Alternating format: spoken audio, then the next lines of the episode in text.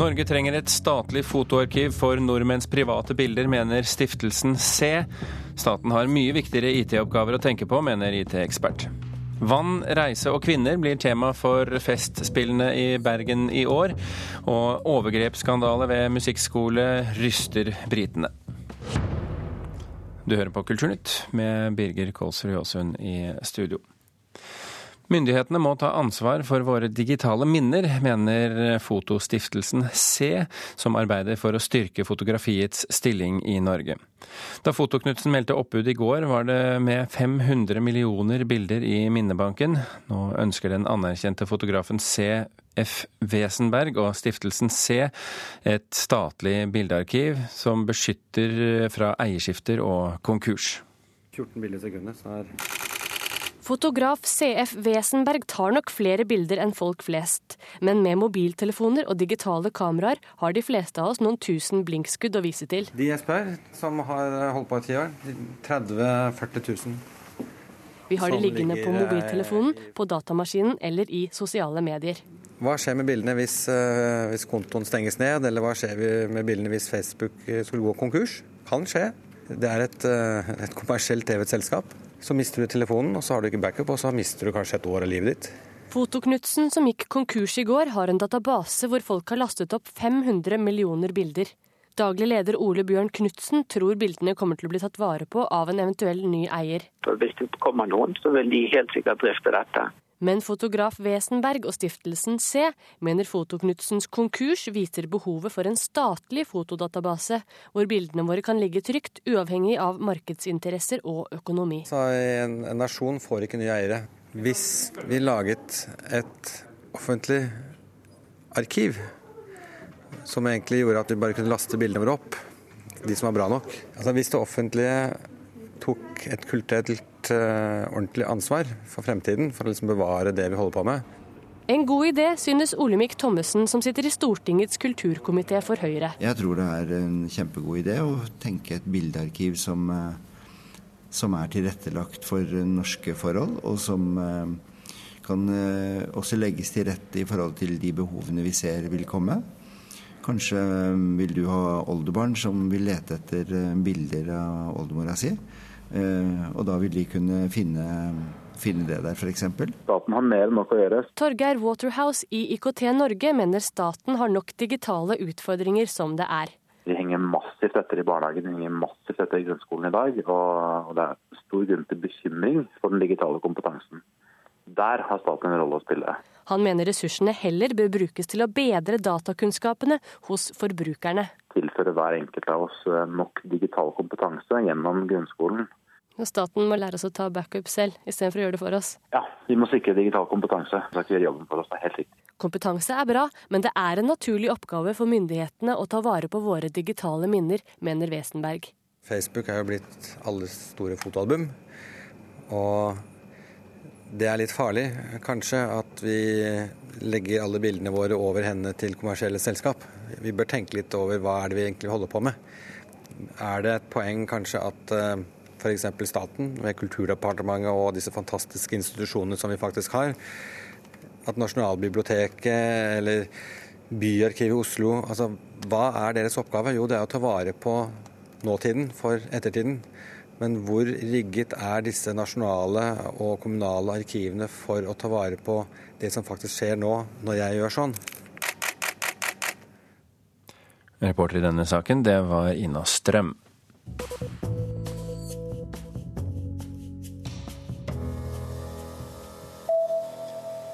Munch-museet går på en eh, budsjettsprekk på 5,7 millioner kroner og må nedbemanne staben og redusere aktiviteten i 2013. Grunnen til budsjettsprekken er at museet har bommet totalt med hvor mange som ville besøke museet i fjor. I tillegg tok de ikke høyde for økte personalkostnader i forbindelse med etableringen av en Munch-etat. Munch-direktør Stein Olav Henriksen sier til VG at de nå jobber med å få dekket inn underskuddet, men forsikrer at utstillingsprogrammet i jubileumsåret 2013 går som planlagt. BBC-journalister skal gå ut i en endagsstreik neste mandag i protest mot nedskjæringene i den britiske kringkasteren. Flere stillinger skal være i fare når kuttene kommer i slutten av mars, bl.a. i nyhetsavdelingen. Generalsekretær i den britiske journalistunionen, Michelle Stanistreet, sier til The Guardian at kuttene er meningsløse og unødvendige. En talsperson for BBC sier han forstår at kuttene oppleves som vanskelig, men sier han er skuffet over at journalistene velger å bruke streik som reaksjon. Ari Behn skal ha underholdt på Se og Hørs årlige julelunsj i desember 2011. Der skal han ha kåsert og fortalt om forsider han selv har prydet. Det hevder flere kilder overfor Aftenposten i dag. Opplysningene kommer etter at kongefamilien har tatt et oppgjør med bladet om publisering av bilder fra en privat badeferie. Og sjefredaktør Ellen Arnstad i Se og Hør vil verken bekrefte eller avkrefte at Ari Behn har vært en del av underholdningen på denne lunsjen.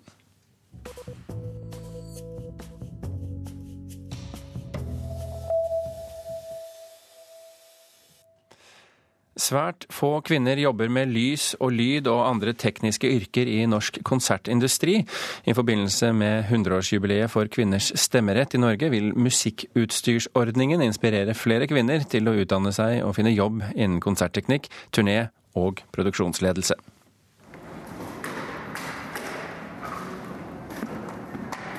Inne i et stort hvitt telt på Youngstorget i Oslo tar en stor sceneform. Bylarm starter på onsdag. Det er flest menn som jobber med å få alt på plass. Det får ikke lov av meg å svare på spørsmål. Det er ikke tid til. Da blir vi ikke ferdig på Vi har x antall eh, timer på å bygge det. Å ja. Hva, hva, heter du? Vidar heter jeg. Nei, det eneste jeg skal spørre om, er om, eh, om de har mange kvinnelige kollegaer. Om de har mange kvinnelige kollegaer? Nei, det. Det har dere ikke? Har, kunne du tenke å ha flere? Kunne tenke oss å ha flere, det kunne de sikkert. Det kunne folkene bak Musikkutstyrsordningen også. De har startet et nytt prosjekt for å få flere kvinner bak miksepultene og lyskasterne. Jeg syns det er eh, kjempebra. Det sier Anne Myrseth, en av to som har ansvaret for den tekniske produksjonen av Bylarm i Oslo. Hvert arbeidsmiljø har jo godt av begge deler, mener jeg. Det tror jeg alle egentlig vil være enig i, enten om det er i denne bransjen eller om det er på et kontor, liksom. Så, men det føles i hvert fall ikke noe feil å være jente i denne verden her. Det går veldig, veldig bra. Og en av to kvinner som jobber med å få opp scenen i teltet på Youngstorget i Oslo, Sabine, har følgende råd til jenter som vil prøve seg i bransjen. Det går veldig greit. Det kan være sin fordel. Hvorfor det? Nei, jenter. Du vet hvordan de er. Det kan være lettere å jobbe sammen med gutter enn med jenter. De meste jentene er vel kanskje jentete. Så man burde ikke være redd for å bli møkkete eller ta tak i ting. Og den som hadde tatt tak i denne saken, det var reporter Eirin Venås Sivertsen. Rianne Edwards i organisasjonen Musikkutstyrsordningen. Hvorfor er det så få kvinner som jobber med konsertteknikk? Ja, si det. Det skulle vi også gjerne visst mer om. Um, vi håper å finne ut, finne ut, mer av dette. Er det fordi gutter er så mye mer glad i duppeditter? Er det er jentene som hun sier, redde for å bli møkkete og ta tunge løft? Uh, er det kanskje at de ikke forestiller seg at det er mulig å gjøre det? Hvis du aldri har sett en jente stå bak en miksepult, kanskje du ikke tenker at du kan gjøre det selv? Uh, vi håper å få mer kunnskap om dette her underveis i prosjektet. Og bl.a. samarbeide da med utdanningsinstitusjonene for å få litt fakta på bordet. Men det er vel forskjell på det å stå bak en miksepult og, og, og gjøre musikkarbeid, og det å rigge en scene, f.eks.? Ja, det er det absolutt. Men det vi faktisk ser, er at det er flere kvinner i rigg enn det er bak en miksepult. Um, så det fysiske argumentet ser ut til å falle litt der. Um, men det er Alt handler kanskje om teknikk. Og lysten på teknikk? Ja. Eller om det er lysten det står på, det vet vi altfor lite om til å si noe på. Men, men, det vi vet, er jo at det er en del som utdanner, utdanner seg innen dette, men så faller fra etterpå. Mm. Hva er årsaken til det? Ja, si det. Er det om det er eh, usikkerheten i en frilanstilværelse, om det er eh, problemer med å, å, å, slippe inn i de uformelle nettverkene, om det er det at du ikke får være med gutta på tur i bussen. Um, kunnskapen vi har på dette, er, er jo i hovedsak anekdotisk. Vi, vi, hører jo eh, snakker med de kvinnene som er der ute, og hører hva de sier. Men det er igjen såpass få. Dette er jo en bransje som omsetter for milliarder. Eh, ansetter tusenvis av mennesker i tekniske stillinger, og bare noen få håndfuller av dem er kvinner. Hva er problemet med at det ikke er flere kvinner? Nei, vi Problemet er vel at hvis kvinnene møter formelle, uformelle kanskje hindre som gjør at de ikke slipper til. Likestilling anser vi jo alle for å være et, et eh, gode. Um, det bidrar til trivsel på, på, arbeidsplassen, er det de fleste sier. Men det viktigste, tenker vi, er jo det at i et relativt stramt arbeidsmarked så mister bransjen altså tilgang til halvparten av de potensielle talentene der ute. Og det syns vi er viktig å sette fokus på. Betyr det også at uh, med innfasing av flere kvinner i denne bransjen, så vil også kvaliteten øke? Ja, vi uh, håper det. Det er jo en bransje i sterk profesjonalisering. Um, som har gått fra, fra, å være en bransje hvor man har uh, hatt en stor grad av learning by doing, til å få og, til å få veldig ordnede forhold og, og, gode utdanninger på området, til dels. Så, så, vi håper at det kanskje også er med å bidra til at, til at, kvinner kommer sterkere på banen. Vi vet jo fra forskningen at kvinner velger noe mer trygt når det kommer til arbeid. Men når det, når det ikke kommer av seg selv, hva skal du og dere si for å lokke dem? Ja, nei, Vi sparker i gang prosjektet under Bylarm med debatten uh, 'It's a man's world, or is it?' Eh, der har vi invitert eh, bl.a. Gina Coates, som er, eh, det er dama som er turnéleder for bl.a. PJ Harvey og Gossip. Hun har ikke hatt så mange kvinnelige kolleger underveis og kan fortelle oss litt om erfaringene derfra. Vi har Tonje Persen. Hun er mangeårig manager og turnéleder og produksjonsleder for bl.a. Enslaved. Vi har en sjelden kvinnelig lystekniker i Silje Grimstad. Vi har også fått med oss eh, Martin Mathisen, som er daglig leder for et av Norges største lyd- og lysfirmaer, og Kristoffer Gambert fra Likestillingsombudet. Og da skal vi ha en dialog det, rundt dette her. Um, Videre i løpet av 2013 så skal vi ha en rekke initiativer. Vi skal ha workshops og samlinger. Eh, og vi drar i gang praksisplasser og mentorordninger. Så det er mer enn nok av ting på gang, med andre ord? Ja, og så håper vi også å få dratt i gang en nettverk av kvinner på, modellert på, på, det nettverket for kvinner i IT, som har vært veldig vellykket de siste ti årene. Rihanna Edwards i organisasjonen Musikkutstyrsordningen, takk for at du kunne komme til Kulturnytt. Tusen takk. Klokken er 17,5 eh, minutter over åtte. Du hører på Kulturnytt, og dette er toppsakene i NRK Nyheter akkurat nå. Det er skremmende at Nord-Korea har prøvesprengt en atomladning i natt, mener Norges utenriksminister. Og regjeringen vil slå hardere ned på trakassering, foreslår å doble straffene for de verste tilfellene.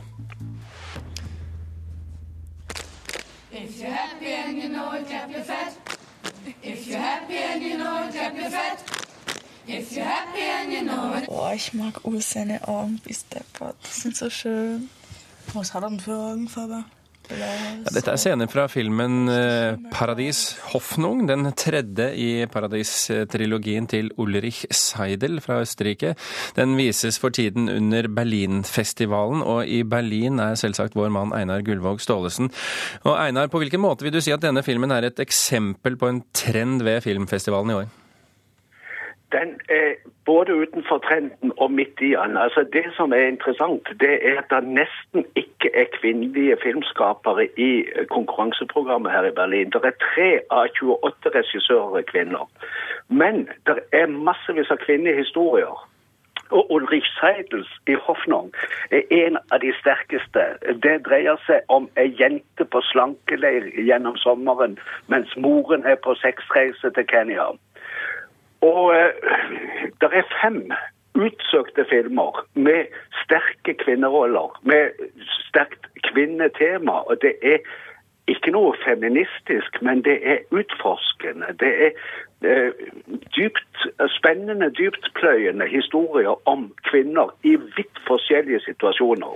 Hvordan kommer disse mannlige filmskaperne ut av det når det gjelder eh, disse kvinneportrettene og kvinnetemaene?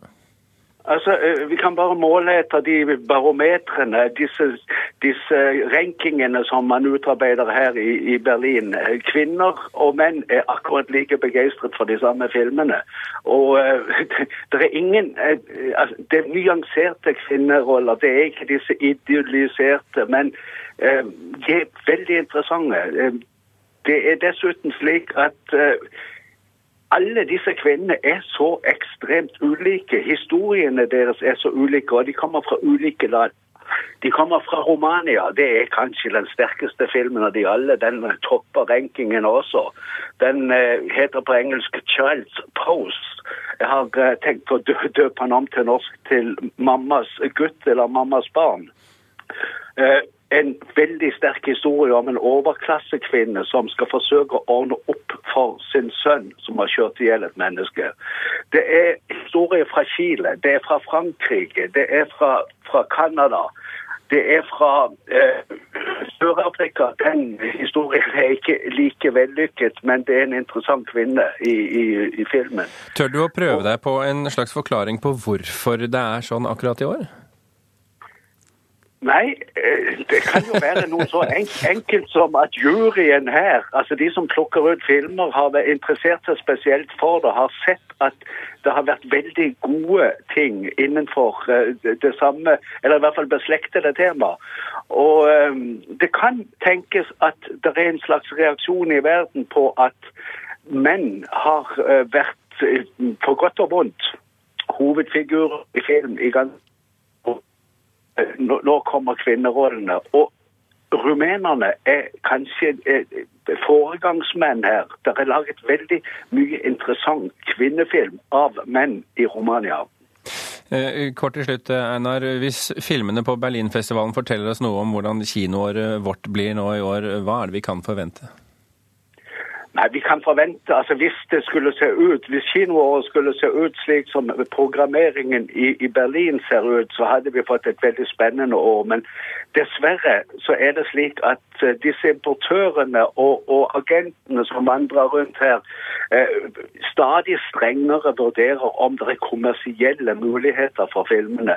Eh, man har et inntrykk av at de mest ærgjerrige, de som vil, vil søke kvaliteten, blir mindre og mindre optimistiske, mens kommersialistene er, er, ganske rådville, de også, i hvert fall forvirret. Fordi at eh, det, er, det, er, så mye som ikke fungerer som det har gjort. Einar, eh, Einar jeg må nesten bare stoppe deg der. Eh, tusen hjertelig takk for at du kunne være med fra Berlin. Og prøv å ta med litt optimisme hjem da når du kommer og forteller mer eh, optimisme fra, fra filmbransjen. Altså ikke du, du er full av optimisme.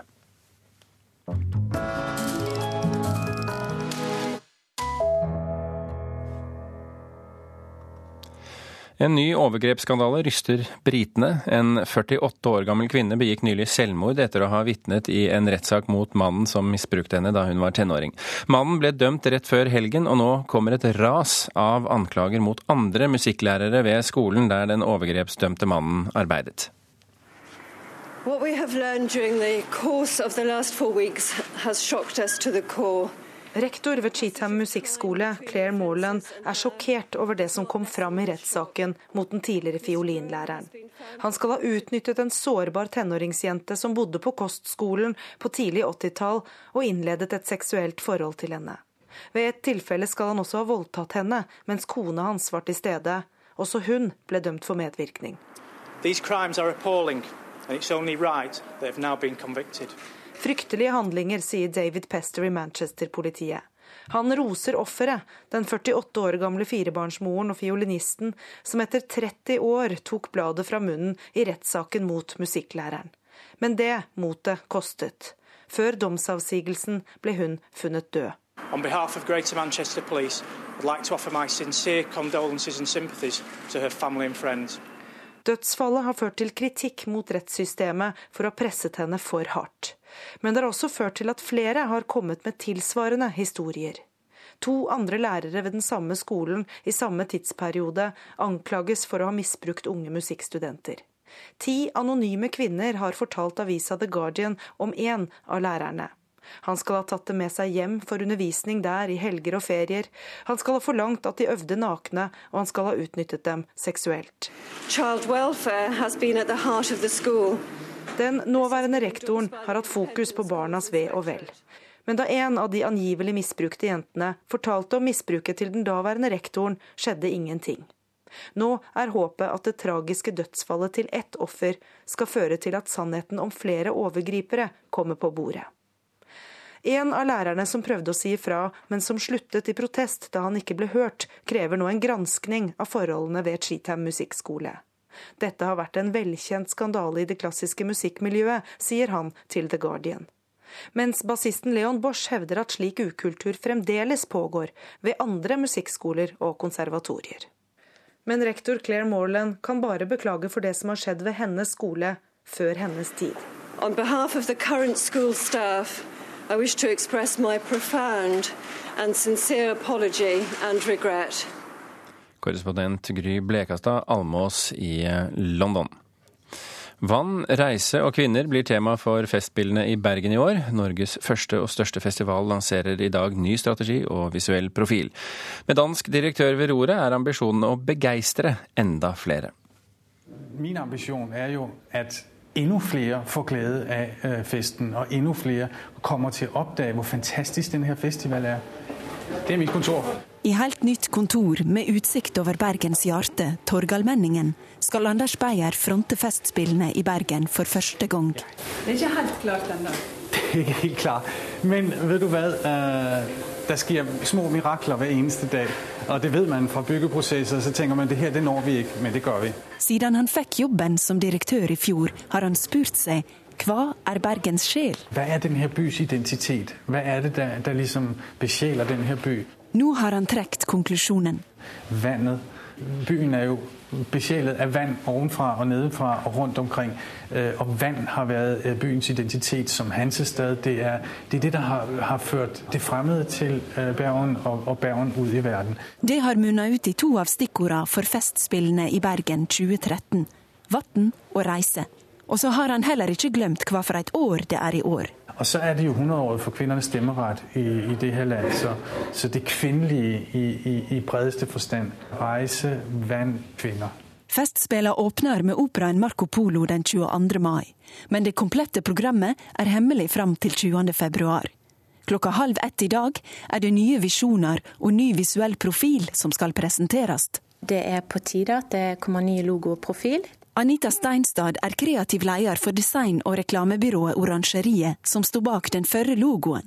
Men etter sju år med den gule sirkelen syns også hun at tida er moden for endring. Personlig så eh, håper jeg virkelig at eh, de har tørt å satse litt. Og eh, med det så mener jeg at det må være en veldig viktig idé, konsept bak det, og det må være tydelig at det kommer frem i logoen. Da førre direktør Per Boje Hansen lanserte ny logo i 2006, skapte det diskusjon. For plutselig hadde de tradisjonsrike festspillene fått overskrifta 'Nordiske impulser'. Anders Beyer tror Festspillene i Bergen kan stå uten ei slik overskrift. Og Tiden var liksom moden synes jeg, til å si at Festspillene behøver ikke å ha en hatt som heter nordiske impulser, fordi Festspillene vil under alle omstendigheter være nordisk. Vi bor i, en, i, i Skandinavien, vi er nordiske. I stedet har han innført tre styrende prinsipp. Fornøyelse, forbindelse og forstyrrelse. Fornøyelser det er jo det, øh, de store opptrinn ute i gaten. Det populære Forbindelser det er en, en kanal som liksom henviser til vår store, stolte europeiske kulturtradisjon. Især det er de store konserter i, i, i Grieghallen. Selve ryggraden i øh, festspillene som det har vært i mer enn 60 år.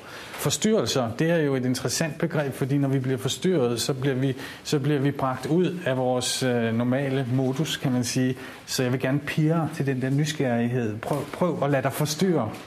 Det er tre forskjellige veier inn i programmet, kan man si. Førgjengeren Per Boje Hansen lykkes i å gjøre Festspillene mer internasjonale, men ble samtidig kritisert for å være for elitistisk. Anders Beyer har inngått samarbeid med 40 kulturaktører i Bergen, og vil gjøre det til en fest for alle. Festspillene kan saktens tåle å ha litt mer spillopper i gaten, litt mer fest. Men selv det skal være på høyt nivå. Og den nye logoen får du altså se etter pressekonferansen klokken 12.30 i dag. Reporter i Bergen, det var Turi Rogne. Bergenserne ser det som en tradisjon at noen fra kongehuset åpner Festspillene i Bergen, men i år kommer det ingen fra kongefamilien til åpningen i mai. De har fått invitasjon, men takket nei. Ifølge avisen BA har de kongelige bare avlyst to ganger tidligere, i 1954 og 1958. Kulturminister Hadia Tajik kommer derimot. Kulturnytt er slutt. Per Ivar Nordahl, Gjermund Jappé og Birger Kåsrud Aasund sender stafettpinnen videre til Nyhetsmorgen.